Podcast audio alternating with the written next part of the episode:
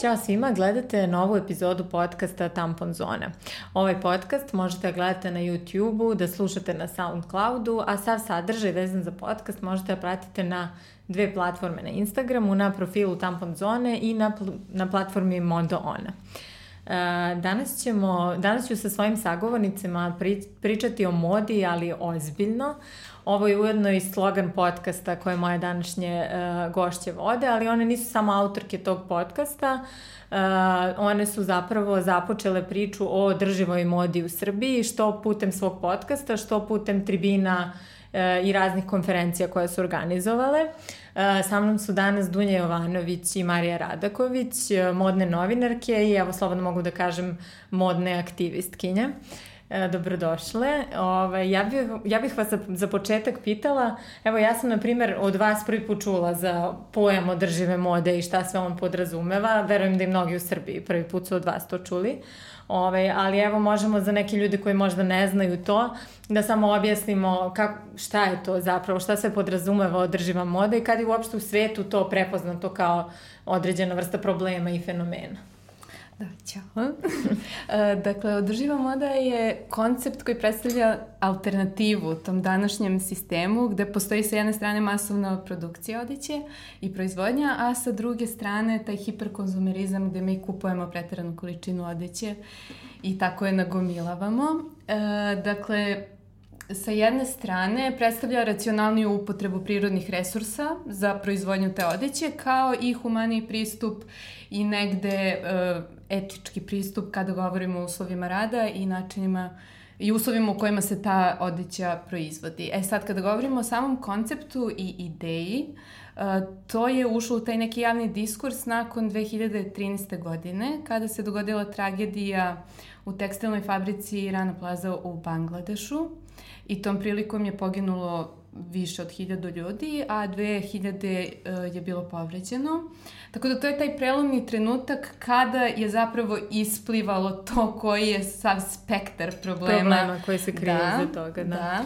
I negde gomila uh, organizacija u svetu fokusirala se upravo na modnu industriju i od tada negde postaju transparentniji zapravo svi ti problemi, ali možemo da kažemo da se razgovor intenzivira u poslednjih recimo 3-4 godine. E sad, s jedne strane on podrazumeva, jel da, izmenu samog sistema, kako se ta odeća proizvodi, koji se i koliko se prirodnih resursa koristi, a takođe podrazumeva i to kako da preispitamo mi sami kako se mi odnosimo prema toj garderobi.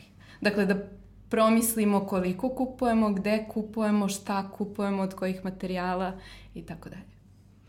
E, da, nekako mi se čini stvarno poprilično kasno da smo tek posle, tek u zadnje, eto, 3-4 godine počeli da pričamo o ovoj temi.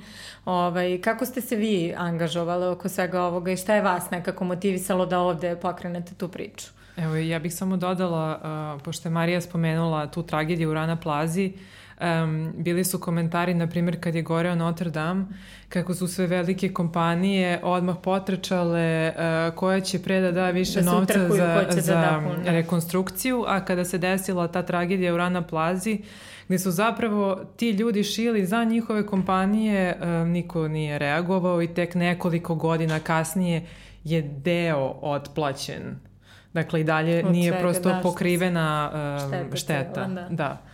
E, tako da, um, prosto taj e, nivo negativnog uticaja modne industrije na ceo svet je ogroman i meni je takođe užasno zanimljivo što se tek sad priča mm. o tome, jer prosto u beauty industriji uh, postoje zakoni koji uh, određuju kada je neki um, sastojak u proizvodima dozvoljen da. ili nije dozvoljen. Da, dakle, zakonski su neke stvari vrlo ograničene. Takođe, sad se sve velike beauty kompanije i tekako bave e, održivom proizvodnjom i reciklažom pakovanja, dok modna industrija i dalje vrlo površno priča o tome a uh, u nekom trenutku je bila na drugom mestu kada je u pitanju zagađenje planete, sada je možda na trećem, na četvrtom, na petom. eto, na petom mestu.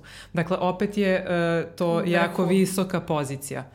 Um, kako smo mi počela da se zanimamo, pa um, recimo da smo se informisale, prosto, prosto radimo kao modne novinarke već. Vi ste se bavile, da, modom um, i svojim poslom i preko toga ste verovatno. Da, da. i pa, tako, tako smo i otkrile temu. Eto. Ne, zapravo bila je situacija pre jednu godinu dana, možda i više, kada je odjeknula vez da je modna kuća Barberi spalila garderobu u vrednosti recimo nešto oko 30 miliona funti i tada je, takođe smo saznali da je to zapravo praksa koju luksuzne kuće, jel da, imaju, sprovede, da. imaju, da. da, ali je tada prosto postalo javno i saznalo se za to. I onda smo baš pisale tekst na tu temu i onda smo razmišljale kao ok, kao koliko to nije zapravo etički, koliko je bahato, imajući u vidu koje sve oni resurse koriste. Uh, i razmišljale smo o alternativama, tako da smo u tom smislu negde, negde počele da otkrivamo šta je zapravo održiva moda i da to jeste neka alternativa prosto onome gde smo danas. Da. Da. Tako da, eto, uh, od kad smo počele, što kaže Marija, pre recimo godinu i nešto, malo jače, uh, pa do sada mi smo uradile stvarno dosta toga um, na popularizaciji ove teme u Srbiji. Um, ona je i dalje u začetku, ali čini mi se da od tog momenta kad smo krenule pa do danas veliki pomak postoji. Da, to smo i malo pre nešto pričale. Ovaj, baš me zanima to kakve su bile reakcije ljudi. Uglavnom, stvarno niko skoro ništa, evo po, i od sebe isto, kao polazim. Ja sam isto na onoj vašoj prvoj tribini prvi put čula za sve to. Da, mi smo imale, prvo smo objavile tekst E, koji se ticao e, teme onako, mogu da kažem, u tom trenutku vrlo površno. Dakle, nismo ulazile zapravo u dubinu celog problema, već smo ga samo negde ono, Locirale, da, da, načele smo ga i na taj tekst su zaista bile odlične reakcije. Upravo ono što si ti rekla, ljudi su komentarisali kako im te stvari nikada nisu padale na pamet, kako nikada nisu razmišljali o hemikalijama koje se koriste um, u pravljenju tekstila, nisu nikada razmišljali o tome, o plastici koja izlazi uh, iz odeće dok, dok je vi perete i tako dalje. Dakle, nisu uopšte razmišljali o nivou um, zagađenja koje odeća zapravo uh, proizvodi, a svi tu odeću nosimo. Dakle, nismo mi isključeni zato što smo u Srbiji da. u odnosu na ljude koji su u Americi ili one koji su u Bangladešu. Svi smo u tom nekom smislu na, na, na istoj poziciji. I kada smo, nakon toga smo organizovale prvu tribinu u okviru Beogradske nedelje mode u saradnji sa Milica magazinom, I na tu tribinu i na naše iznenađenje došlo jako puno ljudi. E, I tu smo zapravo negde započele popularizaciju same teme. E, u, u sklopu tribine je bila organizovana i razmjena odeće. Mi smo tada pozvale tu jednu devojku koja je imala uh, raz, profil za razmenu odeće na Instagramu mm -hmm. koji je u tom trenutku bio jedini. Mm -hmm. E, eto sad mogu da kažem da od tog momenta... Sad ih baš ima yes. Pa, da, Stvarno, to je ja nekako postao trend. neki proces yes. na Instagramu da, da ih ima. Da. Mislim, pritom i sama volim tako da kupujem, ono, i gledam i gledam sve je više tih, ono, yes. vintage kao yes, uh, yes. nekih profila koji prodaju svoju odeću, ali upravo ste to kad ste krenule, to je bio yes. taj jedan. Yes. Ja samo za njega znam, da. Ovaj, a, da, a nakon tribine, da kažemo i to, da. E, počeli smo da radimo i radio emisiju gde smo zapravo počele detaljnije da se bavimo svim tim nekim segmentima održive mode. Uh, mislim da je super što ste baš tu veliku prvu tribinu organizovali u okviru Fashion Weeka, zato što je to zapravo mesto gde treba da se govori o takvoj stvari. Uh, koliko, eto, koliko ima mesta u modnim medijima? Zašto se mo mediji koji se bave modom do sada uopšte nisu bavili tom temu? Pa dobro, sad to, Mislim, to je do neke ja politike da. i kako to funkcioniše. Mislim, ja mogu da kažem da mi koji god da smo problem, pošto u našim kolumnama kao mi se trudimo da sagledamo te neke fenomene da. u modnoj industriji, uh, kroz taj neki društveni kontekst. Da. I uh, bavili smo se različitim temama, ali negde možda bih stvarno mogla da kažem da u srži svakog tog problema zapravo stoji kao uzroku taj marketing, pristup mm -hmm. i ta prodaja i plasiranje proizvoda, što, mislim, tako funkcioniše danas. Cijela ta da. industrija, da. da. Ali mogu da kažem da, mislim, i tu postoji pomaci. Mm -hmm. Mislim, čak ako govorimo i o održivosti um, na nivou generalno, Sveta, globalno, da. da. U poslednje dve godine uh, o njoj se sve više i više priča. Čak ti neki komercijalni najpoznatiji magazinski brendovi pišu o tome. Danas imamo tipa da jedna od urednica Voga kaže da je održivost glavna tema i glavni problem koji postoji u modnoj industriji u narednih 10 godina da će biti glavni.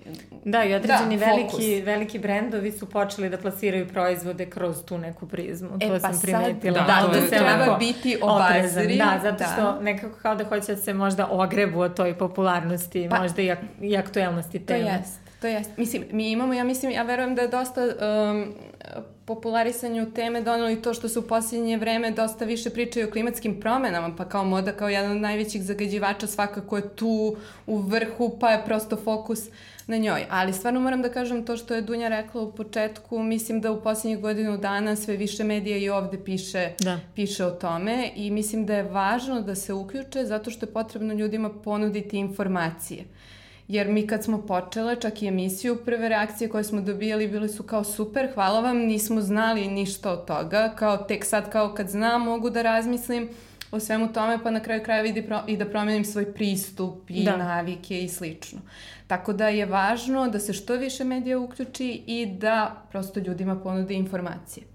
Evo ja bih dodala samo mm -hmm. to si ti malo prije pomenula, uh, taj moment, prosto održivost u modi sada postaje jedna vrsta trenda mm -hmm. i um, neophodno je informisati se zato što upravo zbog tog trenda velike mode kompanije um, koriste priču kako bi opet zaradile novac. Da.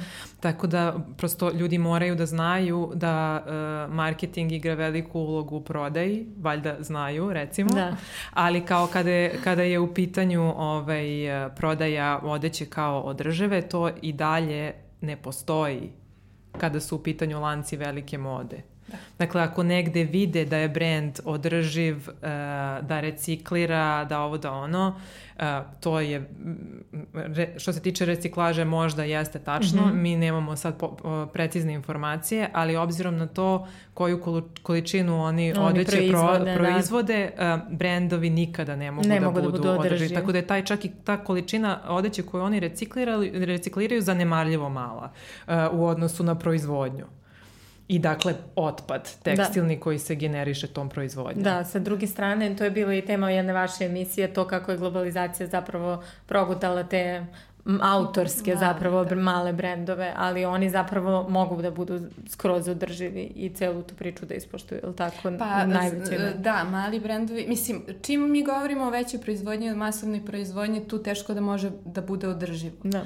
Kao može da bude u nekim segmentima, ali je teže. Kada govorimo o ma manjoj proizvodnji i toj ručnoj izradi, to već ispunjava većinu standarda koje održivost podrazumeva. Tako da je u svakom slučaju bolje, dakle ukoliko je proizvodnja u manjim serijama, ukoliko se koriste prirodni materijali, najbolje bi bilo organski i tako dalje. Ako se zna da tipa ta odeća se šije u nekim ono kao normalnim ljudskim uslovima, da, da su ljudi fair plaćeni za to što rade. Da nisu ugroženi život. Da, to je, da, to je važno, da, pošto da. to jesu. Jeste. Da, Jeste, i to je... Tako da je to, tako da je to značajan, značajan mislim, u svakom slučaju bolji izbor dosta, jer Mislim, e, na kraju krajeva, ako govorimo o održivosti, ako idemo ka tome, sistem će morati da se menja. Nikad to neće biti idealno, ali poenta da ima napretka ka tome. Da. I prosto te velike kompanije e, su u isto vreme i problem i rešenje. Da. Oni ako bi smanjila o, o, obim proizvodnje i prosto promenile princip rada, e, automatski bi se smanjio nivo otpada, zatim eto ako bi se e, ono, okrenuli ka tome da etički posluju i tako da, da mi možemo, zapravo ne znam da smo pomenule šta sve održivost podrazumeva, ali eto... Da, uh, nismo, ja mislim da tačno, tih nekoliko stavki da. koje podrazumeva, da. Zatim kako se uh, odnose prema otpadu koji nastaje u čitavoj toj proizvodnji odeće, gde on završava, zatim uh, koje hemikalije se koriste pri proizvodnji odeće, jer uglavnom uh, mi smo došli na nekog podatka da se preko 70 vrsti različitih hemikalija koristi u proizvodnji, čini mi se, majci. Da Znači, ima različitih kategorija za, za različite kategorije odeće um, i te hemikalije niko ne kontroliše i um, mahom završavaju u vodi. Da. I modna industrija je, ja mislim, na trećem mestu kada je u pitanju zagađenje voda. Vode, da. da. Um, tako, da, tako da, eto, zapravo je problem poprilično da, veliki. Da, pomenule ste te uh, uslove za rad koji su, dakle, zauzimaju veliko mesto u celoj priči o, o održivosti mode. I naime i vi kad ste nastupili sa svojim radionicama, tribinama i to i uh, spo, dosta ste često spominjale i uh, Clean Clothes kampanju i istraživanje koje su radili Stefan Aleksić i Bojana Tamanđija. Ovaj, šta ste zapravo zatekle kad ste krenuli da istražujete to šta se u Srbiji dešava uh, u ovoj temi? Da, hoću. Ajde, da. da.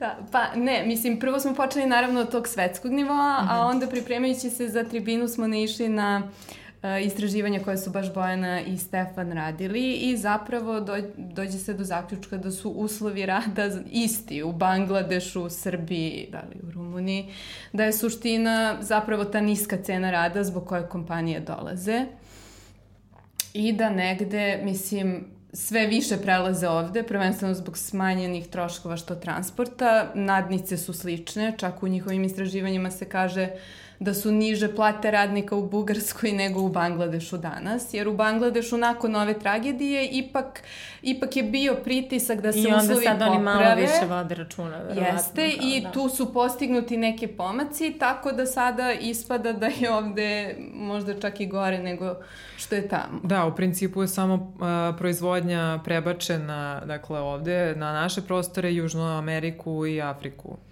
Tako da, eto, Da, ove... ono baš ima neke ono uznemiravajuće činjenice u tim istraživanjima. Inače, ovo udruženje Roza iz Renjanine yes. isto imalo istraživanje ono da radnice moraju da nose narukvice ili one maramice kad dobiju menstruaciju ili yes. ne znam mm -hmm. šta već. Pa nama je gostovala Milica Lupšur u emisiji e, da. koja je predsednica tog udruženja da. i ona nam je baš priča, pričala o tome pošto prosto um, na veliki deo te tekstilne industrije čine žene, čak 80%. I ona nam je upravo pričala o tome kako one rade i koliko imaju e, mogućnosti za napredovanje i rekla nam je da su te mogućnosti vrlo male no. i da ukoliko postoje muškarci na pozicijama, najpre će oni dobiti, dobiti neke Više uh, menadžerske pozicije, pozicije da, da nego, da. nego, nego žene. Žene ostaju na tom nivou tekstilnih radnica, dakle one šiju delove odeće i to je to, a konkretno je bio slučaj u jednoj od fabrika da je čak ljudima bilo zabranjeno da ide u toalet, nego su morali kao da nose Nosi pelene. pelene da. Nako, eto, to je, to je bio jedini slučaj koji u medijima uh, bio pokriven. Da, ali ko zna ono šta je, šta je još se to samo drži unutar zidova yes. tih fabrika i ne... Yes. Pa. Jer problem je što nema inspekcije yes. uh, i m, prosto da bi se nešto zapravo desilo, moralo bi da se poveća uh, obim uh, tog inspekcijskog rada u tekstilnim fabrikama koje u ovom trenutku uh, ima oko 1800 sa preko 100.000 prijavljenih radnika, ni ne znamo koliko ima onih da, neprijavljenih, da. E, tako da to nije mali broj ljudi koji treba zanemariti tek tako. Da, uh, ovaj, isto kada govorimo o tim uh, uslovima rada ovaj, i spomenula se sad dolazak tih stranih kompanija koje kod nas dakle imaju mhm. ta predstavništva ili kako već, ali koliko danas imamo mi domaćih fabrika uopšte proizvodnje u Srbiji, znamo da ih je ono tokom 80-ih, videla sam nekaj podatak da je 250.000 ljudi bilo zaposleno i ne znam, i privatizacijom je sve to naravno zbrisano. E, kakva je situacija uopšte danas sa da. domaćim fabrikama? Da, pa imali smo dakle 80-ih gde je tekstilna industrija zapravo bila u vrhu I uglavnom je proizvodnja bila namenjena za izvoz, s tim što je država naravno direktno ostvarivala profit. Međutim, 90-ih je došlo potpuno do urušavanja te industrije gde su fabrike propale i negde imamo u poslednjih deseta godina oživljavanje te tekstilne industrije. Postoje domaće fabrike i domaći brendovi. Imamo, na primjer, Extreme Intimo, Monu. Nije u tolikom broju kao što je ranije, ali postoje, dok je većina fabrika zapravo se bavi tom uslužnom proizvodnjom gde proizvode i šiju za strane brendove. Mm -hmm. I konkretno tu profit ostvaruje prosto vlasnik tog brenda da. za, koje, za koje mi radimo uglavnom uslužno, uslužno šivenje i proizvodnju. Čak u nekim slučajevima su strani brendovi dobili ogromne investicije od države, oslobođeni su poreza, taksi i tako dalje. Tako da, eto, to, je nek, to su neke prednosti koje redko koja domaća kompanija ima. Mm. Evo, čule smo u poslednje vreme da su neke subvencije do, dobili neki manji mm -hmm. modni brendovi domaći, ali za ove velike kompanije nemamo, nemamo podatke. Da. E, samo bih dodala to kad mm -hmm. pričamo o domaćim fabrikama, mm -hmm. na jednoj od naših tribina baš i Nenad Radojević koji, koji se bavi industrijom tom domaćom u, u, ipak malo detaljnije od nas, rekao da po njegovim podacima ipak su bolji uslovi u domaćim, u domaćim fabrikama. fabrikama. U domaćim da, fabrikama da, da, da. nego... Da. Da, znači da. u domaćim brendovima, domaće fabrike, u domaćem vlasništvu, uh, po tim nekim podacima koje imaju, imamo, ipak jeste, jeste bolje. Da, ovaj, uh, bitno je mislim da pomenemo isto i tu celu Clean Clothes uh, kampanju, to je, je li to global, globalna kampanja pa, pa da. je onda ovo kao ogranak za Srbiju ili globalna, je li tako? Ja, to da. je globalna aktivistička organizacija Clean Clothes Campaign um, Oni su jedni od najaktivnijih u tom modnom sektoru i bave se isključivo e, istraživanjem e, rad, uslova mm -hmm. ovaj, radnika u modnoj industriji, uslova rada. Da. Um, ima još dosta ovaj, aktivističkih um, organizacija, najpoznatija je Fashion Revolution, mm -hmm E, e sad, mi imamo Fashion Revolution i u Srbiji, mm -hmm. međutim, uh, oni čini mi se nisu toliko uh, direktno povezani sa tom nekom centralom, već je svaka, svaki ogranak Fashion Revolution uh, za sebe, mm -hmm. dok je Clean Clothes Campaign mm -hmm. povezana potpuno i oni rade svi zajedno na određenim projektima po celom svetu. Tako da eto, kod nas su to Bojana i Stefan koje si već pomenula i uh, naravno oni to rade uz pomoć uh, svojih kolega konkretno čini mi se iz Nemačke, da je, da je centar da. u, u Nemačkoj. E, što je naravno dosta korisno pre svega za širenje teme da. o situaciji koja je uh, lokalna. Da, ka, kako biste vi sad, ukup, kad sve ukupno pogledate, kako biste ocenili celokupnu situaciju kod nas, kada je to drživost mode u pitanju? Da, pa um, ja mislim da smo mi tek u početku kada o tome pričamo. Da. Mislim, ima dosta toga da se... Uh, da se radi. Prvo mislim da, da ubacimo tu temu u neki mainstream, da. da što više ljudi, ljudi čuje za to. Mislim, ja i dalje mislim da mi to, da nema poente da mi to pričamo u maloj grupi ljudi, naših prijatelja ili isto mišljenika. Poenta je da dođemo do te većine. Da se prosto izgradi neka svest kad, jest. kod svakog pojedinca jest. kada je moda u pitanju. Jeste, da. jeste. Prvo to, onda mislim da kažemo koji su problemi, da ponudimo alternative, to mora. Takođe kod nas isto uh, um, postoji taj nedostatak zapravo zakonske regulative. I, da, kakva je uopšte situacija sa zakonom? Pa sa zakonom što se tiče regulisanja tekstilnog otpada uh, vrlo slabo, dakle ili su neke, prosto je Nedorečeno da. je. Ili je nedorečeno ili je nepostojiće. Sad, sreća Sve je... Sve vrste otpada ovde. Jeste. Mislim da je to vrlo ono polje koje nije baš regulisano. Jeste, Jeste ali da primjer drugim vrstama otpada čak postoje ljudi koji se bave aktivno. Koji su to locirali kao problem jeste, i krenuli da rade Dok tekstilom da. za sad, koliko mi znamo, se ne bavi niko. Da. Uh, nemamo čak ni podatke koliko postoji tekstilnog otpada. otpada to je da. sve nekako vrlo... Opšte. Da. da. I opisno. Da. Tako da sa te strane tu, tu treba da bude isto fokus da se malo um, to zakonski reguliše. Mislim sreća, pa mislim da će to morati tokom ovog pristupanja mm -hmm. EU, da je to jedan od tih nekih standarda kojim moraju da se pozabave, ali svakako treba na tome raditi kad pričamo o tome, o ulazi pojedinca i sve to, to su Uh, mislim, nešto o čemu moramo da pričamo su naše potrošačke navike. Ovaj, kakve su potrošačke navike ljudi u Srbiji? Evo, vi ste sigurno to istražili i znate kako ljudi naši kupuju i kako se odnose uopšte prema odeći. Da, pa mi smo pre svega istraživale uh, globalnu situaciju, mm -hmm. pa onda smo to svela na lokalni nivo.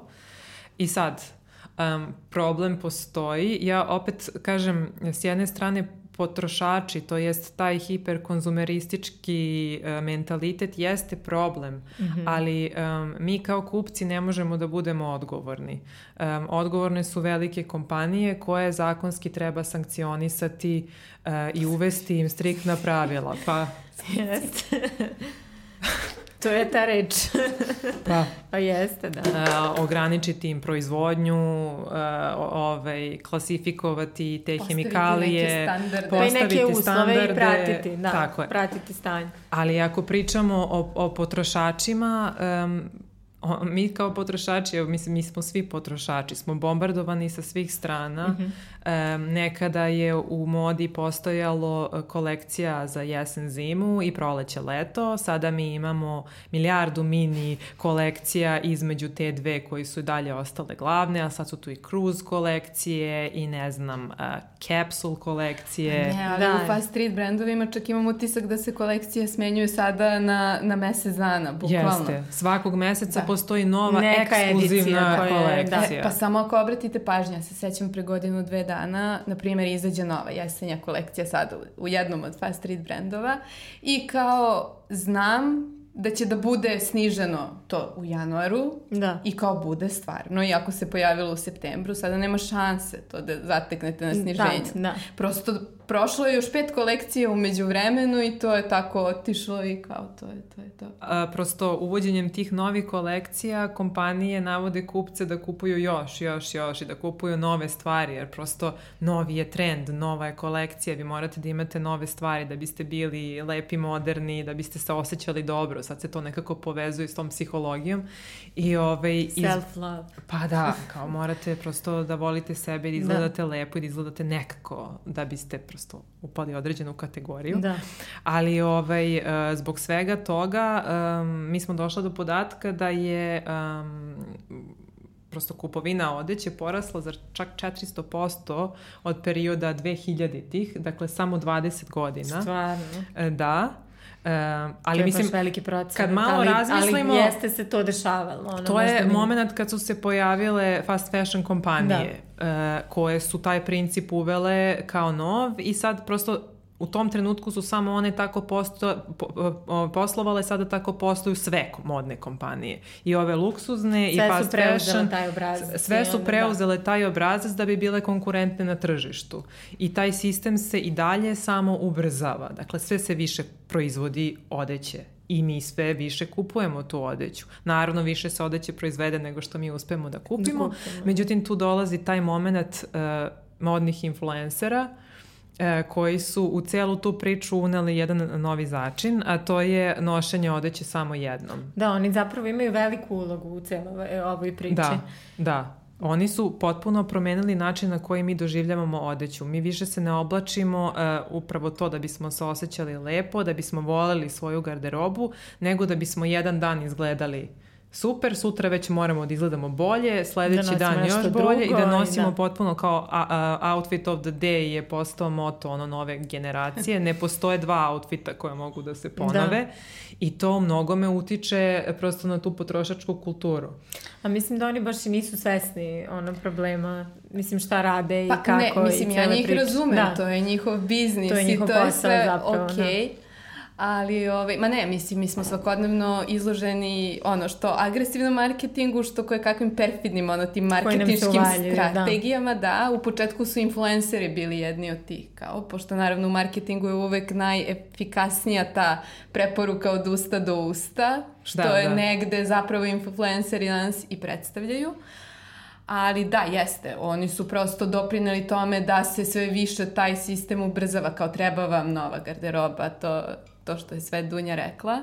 I mislim, Ali- i mediji podržavaju, izvini što Jest. te prekidam, prosto uh, kao da je zabranjeno da se uh, neka, na primjer, slavna ličnost pojavi na crvenom tepihu dva puta u istoj haljini, to je apsolutni skandal. Da, Um, a zašto? da, da. E, ali moram da dodam isto tako, uh, u svetu sve veći broj influencera ipak počinje da govori o ovoj temi i kao sve više se komunicira to. Eko brendovi, to jest održivi brendovi modni, na koji način kao mi potrošači možemo da utičemo kao koje, koje su mogućnosti naše za da izvršimo uticaj na brendove, da svoje potrošačke navike ipak malo promislimo. Dok kod nas ipak čini mi se kada govorimo o modnim influencerima, mi evo za emisiju smo se trudile bile da nađemo nekog od modnih influencera mm -hmm. ko bar spominje tu temu i nismo uspele.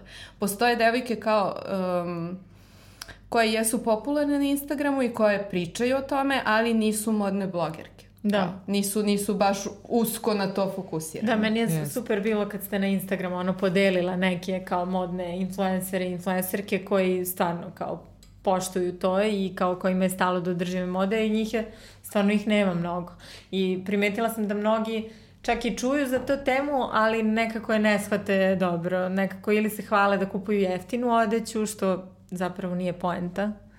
Da, cele pa, priče. Mislim, s jedne strane njima to jeste njihov posao i to Da. je sve okej, ali sa druge strane ipak kao bi bilo super da iskoriste tu svoju popularnost, da ipak ukažu ljudima na neke probleme koje, koji postoje i kao I prosto i oni jesu deo tog problema i to nekako I to moraju jest. da saznaju. Da, a pre neki dan sam čula, Evo ne znam da ste da za kažem. neki, za neki, da je sad neki zakon oko kupovine u Srbiji i nešto, ne znam da ste jeste, jeste, ispratile, sad mi nije baš najjasnije šta on podrazumeva, ali koliko sam shvatila da ne smeju više izlozi da na svojim radnjama istaknu da ne, 70% sniženja ako ne znam koliki um, jeste. koliki sam- broj garderobe ili ne znam da li se samo na garderobu odnosi, ali nešto se tu Um, uvelo, ali nije mi jasno sad koja je tu Da, moram da priznam da nisam toga? detaljnije Da. čitala to. Videla sam na BBC-u je bio da, ja sam prilog. neki, da.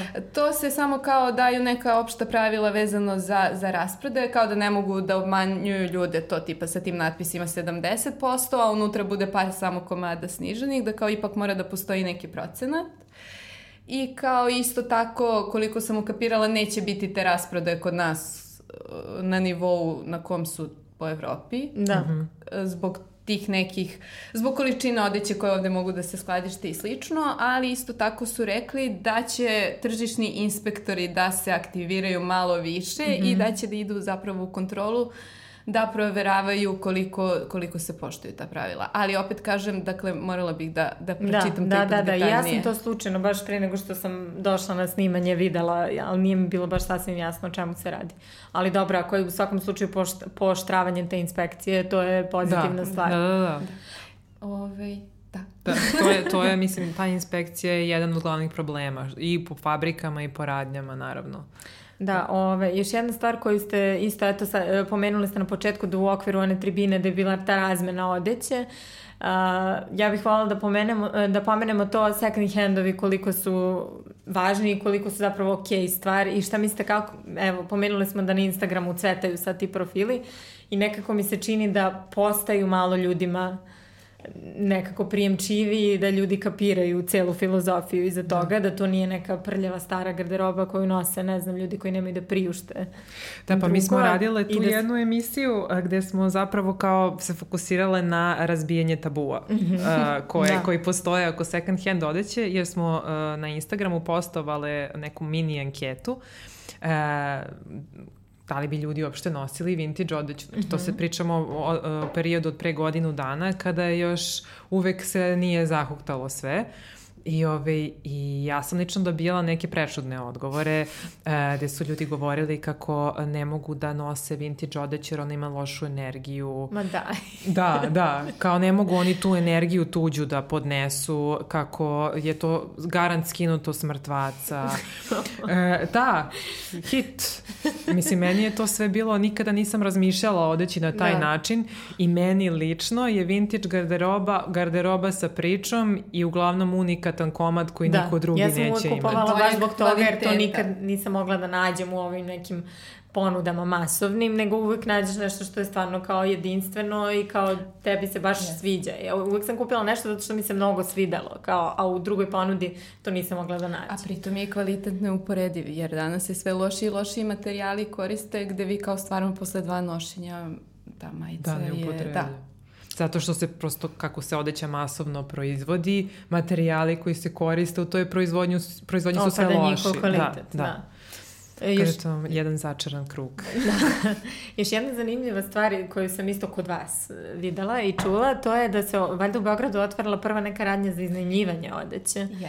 Kako uopšte funkcioniše taj koncept? U svetu postoji taj Yes. Yes. način prodaje, odnosno iznajmljivanja. Kako to uopšte funkcioniše sve? Da, da. e, Kod nas je otvoren biro 354C, to je dizajnerka Ana Trošić pokrenula i zapravo to je super jedan prostor Um, ideja je da oni zapravo uh, prodaju dizajnersku garderobu, ali postoji mogućnost i iznajmljivanja. Mm -hmm. Kako se odeća iznajmljuje, tako se njena cena kupovna isto umanjuje. Mm -hmm. Takođe oni nude i usluge prepravke i redizajniranja garderobe, što je super stvar. Tako da jeste, to je, to je zapravo jedna od opcija na koji način mi možemo da, da, da izmenimo e, naše navike da budu održiviji. Pa da, vi možete za svadbu umesto da idete ono be, besomučni sa shopping. neki događaj, mislim da, zašto jeste. da ne. I onako svi imamo gomiletinu te garderobe koju kupimo samo za neki dan određeni i više nikad ne obučemo. Da. Istina. Ali evo, razmisli i sama. Evo, ja pre nego što sam počela da se bavim ovom temom, zaista nisam uopšte razmišljala odeći na taj način. Da. U smislu da ja gledam u svoj ormar i da pomislim, bože šta sam ja ovde obukla samo jednom, a neke i ni jednom stvari. Nikad, da, ja imam, ja moram da priznam, užasno je, ali kao pronašla sam skoro sa etiketom, kao stvar da. koju sam kupila ne znam kad i zaboravila da se... Da. E, a ja moram da priznam da jesam imala ranije što se toga tiče jer sam skapirala da kupujem stvari na rasprodajama jer su jeftine da. i onda posle godinu dana otvorim orman i budem u fazonu ovo nisam nosila kao, kao zašto. I kao, ok, jedna stvar jeste jeftina, ali kad ja na toj rasprodaji kupim tri stvari koje ne obučem, bila sam uh, kao, pa dobro, ja sam mogla da kupim jednu stvar da investiram e, tu... kao koju bih iznosila. Da, da, i koja bi pritom bila i od dobrih materijala i od... Yes. To ja pokušavam ljudima koje, s nekim ljudima kada pričam o ovoj temi, njima je kao izgovor, a to kao su budalaštine, kao zato što kao to tera se da se kupuje domaća dizajnerska garderoba, a to je kao nepriuštivo, ona je mnogo skupa.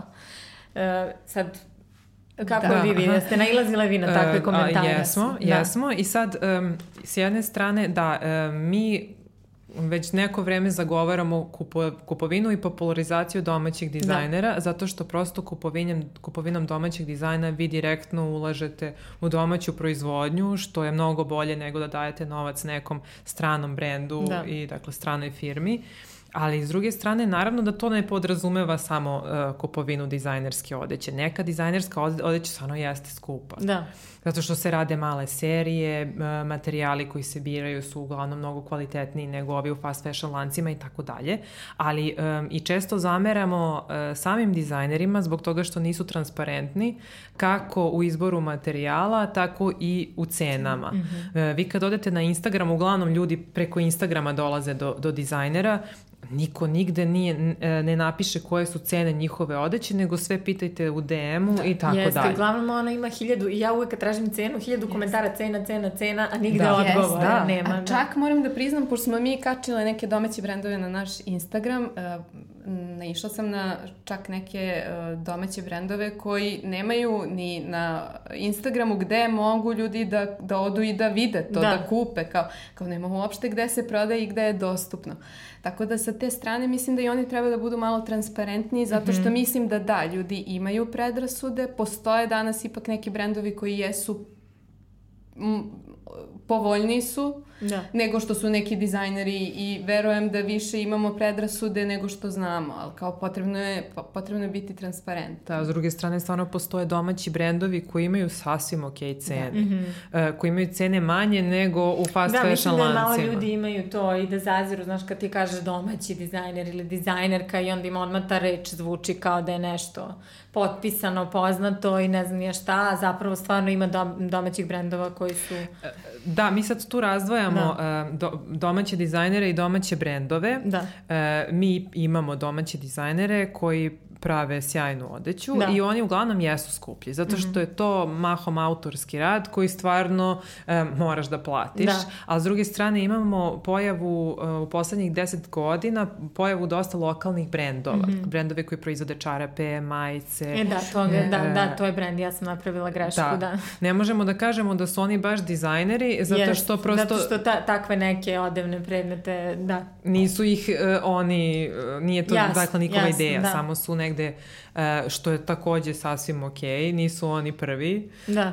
um, tako industrija funkcioniše, ali svakako jesu lokalno rađeni u malim serijama, uglavnom se ti ljudi uh, bave materijalima, trude se da to budu dobri materijali, mi imamo i par brendova koji um, izrađuju odeću od organskih materijala, evo sad smo nedavno pričale sa tom jednom dizajnerkom koja se trudi da nabavi, um, kako se kaže, konoplju, mm -hmm. uh, koja je zapravo najodrživija za proizvodnju odeće jer troši mnogo manje, zahteva mnogo manje vode mm -hmm. nego pamuk, na primjer. Zamena, da, zamena mm -hmm. za pamuk. Da, a zamena je za pamuk, e, tako da da, mi imamo ovde ljude koji se baš bave uh, ovim, ovom temom na pravi način, samo i dalje uh, negde uh, posustaju u tome da budu dovoljno transparentni ali naravno alternativa domaćem dizajnu su uvek vintage uh, i second hand radnje, ali ne samo to. Mislim da je poenta zapravo da svi mi krenemo da razmišljamo o tome kako kupujemo. E pa to, to sad s jedne strane te imamo domaće dizajnere i brendove i sad ste ispričale šta oni mogu da urade da poprave situaciju,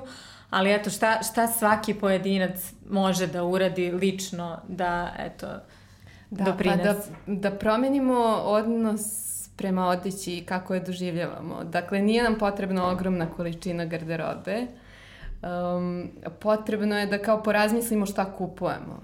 Kao, kao gledajte materijale kad odete u radnju, kao nemojte da uzimate plastiku, investirajte pre u odeću nešto što vam se sviđa i što znate da ćete nositi kao kao kad nosite duže vreme nešto kao to, si, to, to nije uzaludno kao potrošen novac, da. nije kao to se isplati, to je sve ok, kao jeste, alternativa je i second hand, alternativa je to razmena odeće, kao možete da okupite drugarice, kao sakupite stvari koje vi ne nosite, one isto i kao eto super, vi imate novu stvar, oni imaju novu stvar. Ja sam kao... to celu srednju školu radila s drugaricama, a sad nešto vidim da to ljudi Da, ali mislim, meni je takođe super, mislim, da. to mi je, ajde, razmene naravno, um, negde smo došli do podatka da kao ako se odeća, ako se odevni predmet nosi 30 puta, mm -hmm. to znači da ste vi njega otplatili. Mm -hmm što je to ispade da se vrlo redko dešava. Da, 30 puta, da. E, da, ali ovaj, um, takođe, htela sam da kažem da mi se čini da ljudi ovde, valjda je to taj neki psihološki moment, kako ono 90-ih nismo imali mm -hmm. sve te brendove, uh, prosto svi mi želimo da imamo brand, da to uglavnom yes, budu skupe stvari. Svi su pohrljali od kad je to došlo nekako željni. Ono, Tako je. Da. A pro, potpuno uh, im je ispalo ono iz radara da svi izgledaju isto. Mm, uniformice. Uh, da, da, dakle nije ni važno koliko ti neku stvar platiš ako ćeš da izgledaš kao još to minimum uh, drugih da. ljudi koji su isto tako samo imali da plate to. Dakle, tu nema ni stila, ni, or, ni, ni originalnosti.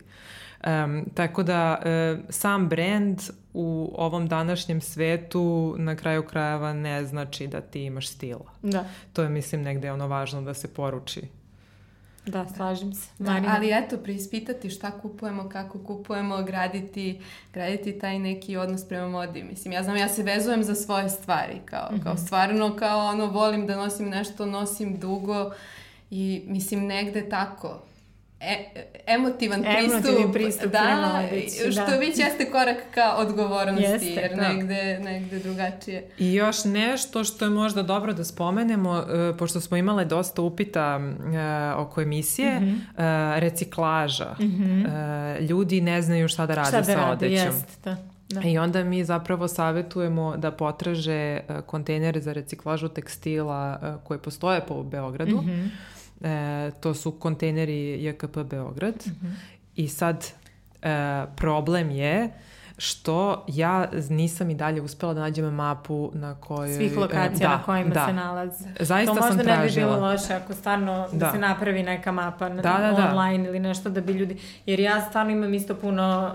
Uh, vidim na, na Facebooku mi povremeno iskoči, ono, imam gomilu stvari, sređivala sam orman, gde da odnesem, šta da radim i da ne znaju jednostavno ljudi. Da, da, da. E, da. da druga opcija je Retex iz Užica, kao koji često i mi spominjemo kao reciklažni mm -hmm. centar.